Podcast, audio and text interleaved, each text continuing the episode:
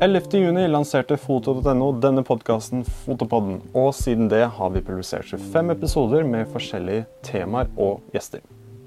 I dag, for å runde av sesong 1 av Fotopodden, skal vi dedikere litt tid til å se tilbake på noen av høydepunktene fra episoden.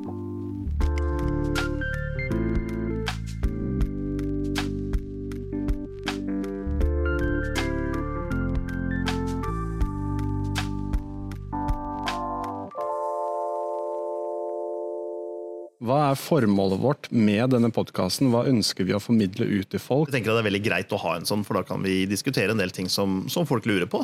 Eller ting vi bare har lyst til å snakke om. rett Og slett, og det er jo veldig mye vi har lyst til å snakke om. så vidt jeg har skjønt. Hvordan står bransjen til nå, Erik? Nei, det er jo det er litt vanskelig å si sånn absolutt. Hvis du ser tall fra Japan, så uh, ser det helt jævlig ut. Tallene har falt med noen og 30% siden tilsvarende i fjor. Uh, men i Norge så er det litt annerledes, fordi vi har alltid ligget en del over resten av verden. Rett og slett fordi vi har så motbydelig mye penger at vi kjøper mye mer utstyr enn det vi egentlig trenger. Uh, så, så, i Norge så ser det ganske bra ut. altså Kompaktkamerasalget er jo borte. Det er det ingen som kjøper lenger. Uh, derfor har produsenter laget dyrere kompaktkameraer. Og, altså entusiastmodeller. da. I tillegg så er det jo veldig mange som har foto som en aktiv hobby. Og har du som en aktiv hobby, så slutter du ikke å kjøpe selv om mobiltelefonen er blitt bra. Mm. Så alle, alle, profesjonelle fotografer og alle entusiaster de kjøper jo sånn som de har gjort før. Så I foto.no og Interfoto så satser vi jo mye på den gruppen. Mm. og Derfor så klarer vi oss jo relativt bra med, det, med, markedet sånn som det er i dag. Når man går etter å se etter brennvidde på objektivene, mm. så går man etter fullformat. Hvis du går tilbake til 70-80-tallet, så var alt omtrent som vanlige folk brukte, det var småbildeformat, altså fullformat. Uh, og da hadde man objektiver som var laget for det, f.eks. en 50 mm. Og så fikk man da etter hvert på digitalt så ble det veldig dyrt å lage brikker som var så store, og da lagde man mindre brikker. Men da var man vant til å snakke om 50 mm, eller 200 mm eller 35 mm. Og da måtte man eh, begynne å regne om. Og da har man dette her som kalles en omregningsfaktor eller kroppfaktor. Mm. Uh, så man sier at å ja, men da blir det Det er en 35 mm, men det er tilsvarende 50 mm på en fullformat. Um, og det har du, har du en mindre brikke enn fullformat, så må du gange opp. Og har du en større, så må du egentlig da gange ned. Så på mange mellomformat, digitale mellomformatkameraer så har du en kroppfaktor eller omregningsfaktor på 0,79. Hvis du tar et uh, bilde og legger det ut på, som din, legger det på din nettside eller et eller annet, og noen bruker det uten din tillatelse, eller uten å gi deg noe betaling for det, når er det man kan gjøre noe med det? Da er du inne på dette klassiske dilemmaet å ha rett eller å få rett. Eh, jeg er jo tilhenger av å bruke den, si, den, minst konfronterende linja. Eh, jeg opplever det selv noen ganger. Folk har rappa mine bilder, publiserer på privat nettside. Hvis jeg ser det, så sender jeg dem en hyggelig, høflig henvendelse og sier at det var hyggelig at du brukte bildet mitt, men du har ikke skrevet navnet mitt der, og du har ikke spurt. Og gjør det klart at neste gang så kan det hende at jeg ber om noen penger for det, eller at jeg ber om det fjerna. Men hvis ikke det er noe problem at det ligger der, så hvis det er en privatperson, jeg tar ikke noe penger for det. Da har jeg sagt eh, oppi navnet mitt, så er det greit. Poenget er at hvis ikke fotografens navn er kjent, så er det veldig lett å stjele det videre. Uten at noen vet hvor de skal henvende seg. Men hvis det er et kommersielt foretak eller eh, en redaksjon, så skal de betale. Og da er min taktikk som regel å spørre først eh, om et forslag til en løsning. Eh, så blir man gjerne enige. For det å gå rett i strupen på folk med en gang, da er du i hvert fall sikker på at kontakten videre blir ikke noe hyggelig. En uh, harddisk som, sier, en harddisk som, som, har den disken i seg, leserdisken, den skal helst ikke bli rørt mens den er på. Mm. Nei. Ikke en snurredisk, som vi kaller det. Ja. Mm. Som består av rett og slett skiver, metallskiver og magnet... Uh, lesehoder, lesehoder og sånt. Ja. Mm. Og det er jo uh, Hva er på en måte hovedgrunnen til det? Hvorfor det er faktisk veldig viktig å ikke gjøre det? Har du noen gang hatt en diskman som ikke er ment for å jogge med, og ja. prøvd å røre på den? Der har du egentlig svaret ditt. altså. Det, det Hva skjer med CD-plata da? Ja.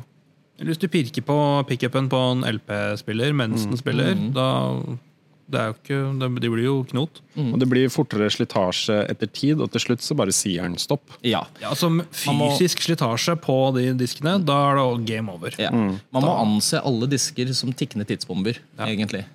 Ingen disker varer evig. Hvis, Det hvis, er de, begynner å lage høy tikkelyd, så ta backup og kjøp ny disk. Ja, med en eneste gang. Blitz i utgangspunktet er jo da en, en gass som er fylt inn i et, et hesteskoformet glassrør. En sånn blanding av edelgass. Og den blitz Den, eh, den gassen, den tilfører du strøm. Liksom en, lader opp masse strøm i en kondensator inni blitsen. Og så når kameraet er klar for å ta bilde Nå skal jeg ta bilde. Da lukker, lukker lukkeren seg åpen på kamera og sier fra til blitsen at 'nå står jeg oppe, nå vil jeg gjerne fotografere'. Og da går blitsen av lynhurtig. Og den blandingen med edelgasser som man har putta inn i det røret, den gir fra seg dagslys fargetemperatur. Og Veldig mange, når SL1 kom på markedet, så var det Det er jo alltid kritiske folk som vil eh, kritisere for kameraet er eh, veldig snevert for brukere. Men det skjedde noe veldig stort i fjor eh, på Fotokina 2018. Elmant-alliansen ble kunngjort. Og det var et øyeblikk som jeg eh, feiret virkelig. Fordi det ble kunngjort at Leica, Panasonic, Sigma går sammen, danner en allianse, og alle de tre produsentene skal dele på denne elmannfatningen. Ja. Og det gir, byr på store muligheter. Nå er det faktisk mulighet til å kunne Leica kommer aldri til å lage en 400 mm for sportsfotografene. Det kommer aldri til å skje, det har de sagt. Men det kommer Sigma til å gjøre. Ja. Så du kan ta deg en SL1, SL2, sette på en Sigma superteleobjektivet, så er sportsfotografene eller de som driver med dyreliv, eh, tilfredsstilt. Du kan kjøpe deg Panasonic Lumix S1, som er eh, SNR, som er altså fantastiske kameraer, og sette på Leica-optikk. Ja. Du kan gjøre det med Sigma. Altså, det gir på muligheter, og det er det ingen andre produsenter i dag som gjør det, bortsett fra de tre.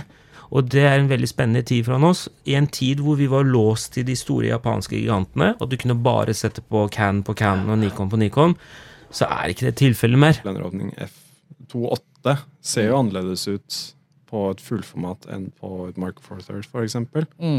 La oss si du skal ta et eh, headshot da, av en eller annen person. Eh, så vil du jo at for eksempel at hodet skal fylle ut eh, hele bildet. Eh, hvis du bruker da en 50 mm på et fullformatkamera, så kan du stå ganske nærme. Mm. og Jo nærmere du står, desto tynnere dydiskopet får du.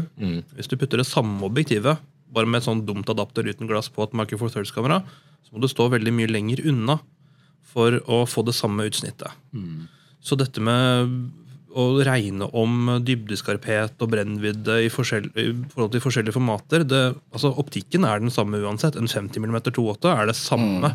Ja. Uansett hva slags format du bruker. Det er bare at du selv beveger på deg. Ja. Og det er det at du beveger på deg, som endrer perspektivet.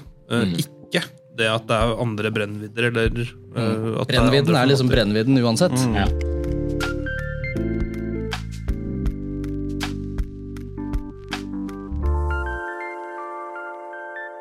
Do you remember like when you first got into photography? I do. Um, the first time I picked up a camera was in 1968. I borrowed a buddy of mine's camera to shoot a Jimi Hendrix concert, not having a clue of uh, what the hell to do. And he said, "Oh, shoot Tri-X film. Put it at f5.6, uh, 60th of a second, and you'll get an exposure." And that's what I did. And the following morning, I processed the pictures in his dark room in the basement of his house. And uh, when I saw that first picture coming up in the tray, I was hooked, and it was kind Yeah. of soft focus, and I wasn't sure if it was out of focus because I shot at a 60th of a second, or I'd smoked too much dope that night. It was back in the hippie days, the late Yeah, yeah. So that's where it all began. Det er jo alltid stappfullt med surfere i vannet, men det er noen ganger det er litt overflod av fotografer også. Hvordan er på en måte reglene og prioriteten og sånne ting hvis det er flere fotografer i vannet? da? En bølge bryter på det samme stedet som regel, eller noenlunde på det samme stedet. Eh, Så alle surferne legger seg jo på det stedet. Så man sitter litt oppå hverandre for å prøve å ta bølgene. Og så prøver man å ha et slags eh, tursystem hvor man tar en bølge, og så padler man opp igjen, og så legger man seg bakerst i køen. Og, og det er eh, prinsippet. Um, men det er litt det samme med eh, fotografene. For de ligger også på det akkurat samme stedet, som regel. Nå er vi, vi er heldige i Norge. Det er ikke så mange som fotografer i vannet, men hvis du drar til et sted som Bali eller Hawaii eller Sør-Afrika, så er det veldig mange. Og der er det også sånn at de som har tatt bilder av den bølgen lengst, og de som bor der, det man kaller på godt surfespråk locals, det er de som ligger nærmest det kritiske området, og, og da får det beste bildet. For da er det klart at de som ligger bak vedkommende, får jo da masse hoder eller hjelmer som de bruker også eh, i bildet sitt. Og magasinet vil jo da alltid uh, spore opp eller bare få tilsendt bilde av han som lå nærmest og fått, fikk det mest kritiske bildet. Og så eh, må du også tørre å ligge der det er mest kritisk. Det er ikke alle som gjør det, det er noen som ligger litt langt unna. Jeg har hørt uh, sammenlignet med at det er som å skyte Superbowl med et fish, en fisheye. uh, du løper rundt med spillerne på banen Ja. og prøver å ikke bli kjørt over av store, tunge mennesker uh, med skarpe finner på surfebrettet sitt. Og på den ene siden av deg så er det noen tonn kubikktonn med vann. På den andre siden så er det kanskje en meter før du treffer sylskarpt korallrev. Så de som er virkelig gode på dette, her, de som er i verdensklassen, de eh, leker litt mellom liv og død, men selvfølgelig veldig veldig kalkulert. Og de er eh, vanvittig gode på det de gjør. Har, har du opplevd noen gang at noen hvis ulykker eller noen sånne ting mens du har vært i vannet? Ja, nå er det vel nesten sånn at det skjer hver gang jeg drar på en tur, at vi krasjer. Eh, Det handler mer om at vi pusher grensene kanskje litt. Um, Jeg hadde nettopp en reklame for et bilmerke hvor vi um, krasja, jeg og surferen. Han kjørte rett og slett bare rett over meg og traff meg i skuldra. Men det endte med å bli et så bra klipp at det ble første klipp i reklamen. Så um, Det var verdt det. det var, ja, det var verdt det den gangen. Eh, neste gang hvis finna går gjennom drakten og du kutter det noen centimeter inn i skulderen, så er det litt kjipere. Men um, det handler mye om å kjenne utøveren du tar bilder av. Uh, uansett om det er ski eller surfing eller sykling eller hva som helst. Vet du hva vedkommende gjør? Hvor lang tid eh, han eller hun trenger for å gjøre eh, triks? Eh, så klarer du å gans kalkulere ganske godt eh, hvor det bør ligge. Husker du ditt første kyss?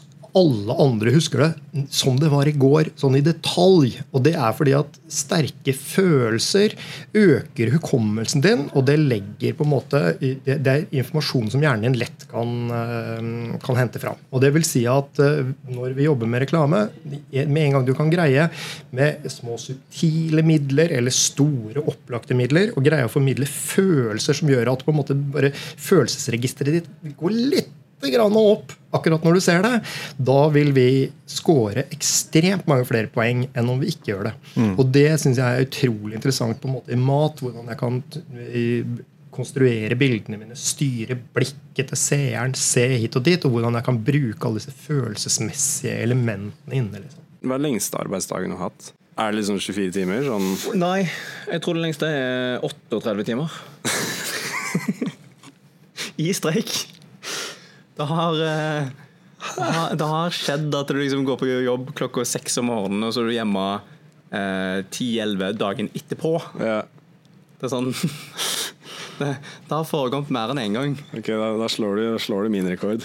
Det, men det, det er ikke noe jeg vil anbefale i det hele Nei, Fordi, det er veldig ukomfortabelt. Jeg er ikke bare ukomfortabel, men du sitter jo egentlig der som en zombie som ikke fungerer optimalt i det hele tatt. For du sitter bare øh, Jeg vil bare hjem og sove, og så drikker du mer kaffe, eller så prøver du på pushups, og så går du på en liten tur, og så kommer du tilbake, og så er det sånn Å, det funker ikke. Men så er det liksom heldigvis eh, Motivatoren er jo frykt. Ja. Det er den der frykten for å ikke rekke deadline. Og det er liksom regel nummer én. Alltid lever. Alltid rekk deadline. Ja, ja, deadline er hellig når, man, når en gjør sånt, så blir det jo til at du blir en person som går an til å stole på. Ja. Iallfall hvis du skal ut der og skape deg et navn og et rykte, og du skal liksom lage deg et levebrød av det, så er det et tillitsforhold. Alt baseres på tillit. Kan du levere? Er du til å stole på? Kan vi stole på at du leverer? Eh, og mitt overordna mål er egentlig at eh, alltid, hvis det folk kommer til meg, så skal det løses, og det skal løses innen den tidsfristen der, og det skal alltid leveres, koste hva pokker det vil koste, liksom. You share a lot of like travel photos, and Yeah. they're all amazing as well. Hey, thank you. insane. Like I appreciate that. Yeah, but you do get like the travel bugs. Like, how does that? How do you make it look that good? There's like a big motivation as well when you have a camera to like get up early and get the sunset and stuff like that. Mhm. So th- is that what you do when you travel? Do you plan ahead? Yeah. Before you go out? When I travel, I'm not much of a late sleeper. Yeah. That's much to my girlfriend's dismay. no, I think she appreciates it. Um, I plan my travels according to what I think is going to be super photogenic, but I also am just addicted to nature and being outside and hiking and, and new views. So when it comes to that, it's, just natural that I go to these places. Um, and when it comes to the photos and the editing, like the, the environment usually takes the photo itself. Uh, if you're up north in Norway at midnight sun and you're on top of a mountain, like you Yeah. can't take a bad photo. It's not going to happen. It's impossible. Yeah. Um, I recently did uh, when I was in in Lofoten last month. We had some midnight sun, and I shot a photo with my phone and with a camera, and came back, and I couldn't tell which one was which. Really? Eventually, I was just like, "These are both exactly how I would have shot the photo with any other equipment." Does that worry you, or is that like a Uh, cool no. development? Worry me, as in like, am I scared somebody else is going to take the job with cheaper equipment, or? Yeah, like that because like you, you can get amazing results from a phone now. No, I'm fine with it. Yeah. And uh, that just means my job is easier. exactly. No, no, no, no. It's uh, it's not too worrying. I, I, any like new tools that make the job easier, I think is fun to play with, and it just creates a new challenge. So why not? Det som er fint med konsertfoto, er at du kommer i kontakt med artister. Du kommer i kontakt med labels, du kommer i kontakt med eh, booking management og sånne ting. Så det, du må se det som en langsiktig investering, at du networker. Pluss at eh, vi lever i en tid hvor eh, digitalt medie er det som treffer folk mest. Facebook og sosiale medier. Og det er en fin måte å kunne få markedsført seg selv og vise fram dine bilder. Og det er som jeg sier til alle sammen, du må skape ditt eget marked.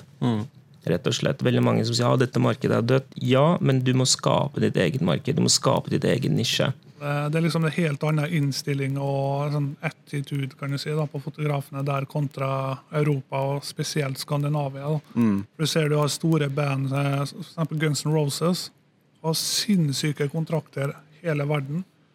Kommer du til Norge, så er det eneste landet på hele turneen de dropper kontrakten. De gjør det? Ja, For de stoler på norske fotografer. For vi, vi har så godt rykte på at vi, når vi sier at vi ikke skal gjøre noe vi ikke har lov til, så gjør vi det ikke. Nei. Så alle de store artistene utenom et ekstremt lite antall dropper kontrakten i Norge. Og hvis de presser oss til eh, at vi sier at nei, vi nekter å droppe kontrakten, vi må signere den kontrakten, Mm. snur hele Presse-Norge ryggen til og går. Ja, ikke sant. Alt fra VG til minste nettavis. For vi, vi samarbeider så godt i Norge. Vi følte at det gikk så bra på YouTube med måten vi jobbet på. Um, og ikke sant, du kan ha en, si en kortfilmidé, da.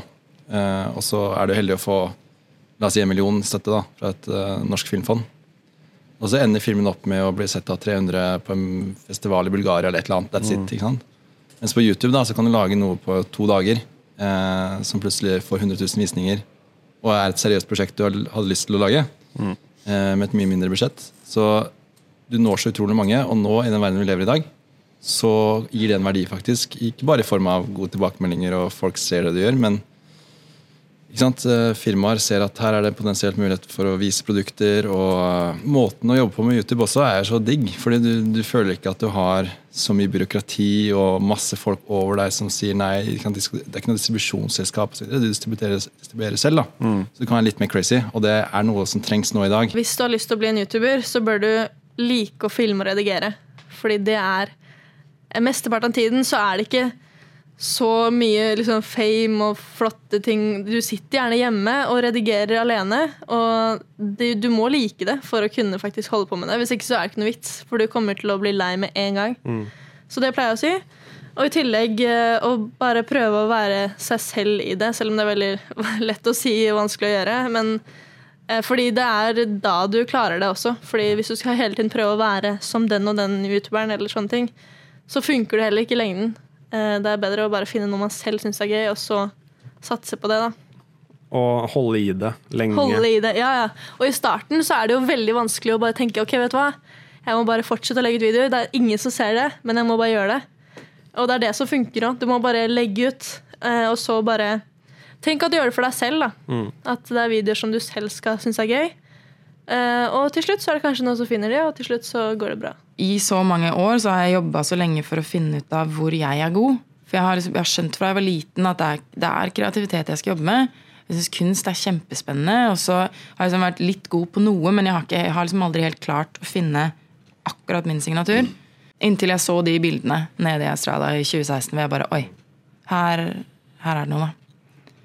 Så det, ja, For meg så var det bare sånn Nå får jeg lov, etter alle de årene som jeg jobba som bartender og servitør og i barnehage, og jobba dobbelt og tjent kjempedårlig, liksom. Altså, tror ikke jeg har nådd 300 000 i år engang. Så uh, nå fikk jeg endelig uh, Nå får jeg lov til å gjøre det jeg elsker, og det er Jeg våkner hver dag og er ekstremt lykkelig. så jeg unner jo alle å ha det sånn. da. Det er noe med det òg. Å si at dette var det jeg fikk til nå. Eh, da vil i hvert fall verden se at du er en filmskaper som skriver og regisserer, eller du lager noe, eh, og du har gjort noe. Eh, og det vil kanskje hjelpe deg da i neste runde å nå visjonene da. Altså. Og igjen, til syvende og sist så er, er det historier, og det er eh, opplevelser man lager, men det er ikke hva du fikk med Red eller Arya Mira. Liksom. Altså sånn, til syvende og sist så er det historien. da. Selvfølgelig så blir ting vakrere med bedre Absolutt. utstyr, men, eh, men, men, men eh, jeg tenker at det er vikt, viktigst å faktisk ha laga noe. Da. Hvis man skal gi et tips da, til folk som er i startfasen, vær tålmodig, men likevel tørre for det. Liksom, ha troa på alt du står for og mener og vil skape, fordi eh, det føler jeg er klisjé på klisjé, men hvis ikke du tror på deg her, så hvordan skal alle andre tro på deg da? Så vær litt tørr og vær selvsikker, men likevel ydmyk med folk du jobber med i bransjen. da. Og så er det såpass vanskelig også, fordi hvis du har en idé, så skjer det ingenting. Det er ingen som kommer til å mase på det. Det er ikke noen bestilling noen har gitt deg Nei. På det prosjektet. Du Mm. må faktisk Hvis du bare stopper Ja. å gjøre det, så skjer det ingenting. Nei, veldig sant. I'm terrible at looking back. I'm always over here looking forward. And sometimes everyone's like, you should look and see how far you've come. And occasionally, yeah, I probably should and go, remember that kid that was just hoping a a customer was going to come in one day. Yeah. Um, I should do that more often. Um, but at the same time, I'm sort of, I definitely have these moments where I'm able to sort of, you know, be here, for instance, and go and do these things. And uh, I've definitely had a couple of shoots where I've, you know, been able to produce images that I've been really happy with. I've had a great time. And then I go, I got paid for that. You know, like Exactly, it's, it's great. That's such a great thing. And Yeah. I think about it and think, even if it's a bad day, even if it's something where I think, okay, I'm not really excited about this job, I don't really want to do this. I'm like, Hannah, what else would you be doing today? Exactly. And all these people that, you know, have this Sunday night like blues, this sort of, you know, dreading going to work on a Monday morning. I'm like, you're just, you're so lucky that you don't have that. Yeah. Like, I know we worked ourselves into this position, but still, there's nothing wrong with stopping occasionally and going, "Do you know what? We're pretty bloody lucky to be where we are. Absolutely, Doing what we're doing. And I, I agree with that. I think that, I mean, no amount of whatever it is, whether it's money, clients, likes, whatever it is that people that drive people, you know, to what they think is success. I completely agree with that quote. Mm. It is, do you have everything that you that you want in terms of not necessarily materialistic things either, No, no. but is it that you are waking up every day going, this is cool. Yeah. This is fun. I'm excited. Yeah, because you know, life is just you know, it's about having fun. Exactly, really, yeah. it's like Oh, yeah, 100%. you're born, have fun, die. Yeah. Like, that's it, really, for me. So just and the rest of it is like fill it with the fun stuff. Exactly, yeah. Så uh, Fotopodden tar pause nå og er tilbake den 8. januar. Og tusen takk til alle som har vært gjester, takk til alle som har vært med, takk til alle som har delt og kommentert, og takk til alle dere som har hørt på podkasten. Fortsett gjerne å komme forslag på temaer og gjester fremover, så ses vi i januar. God jul!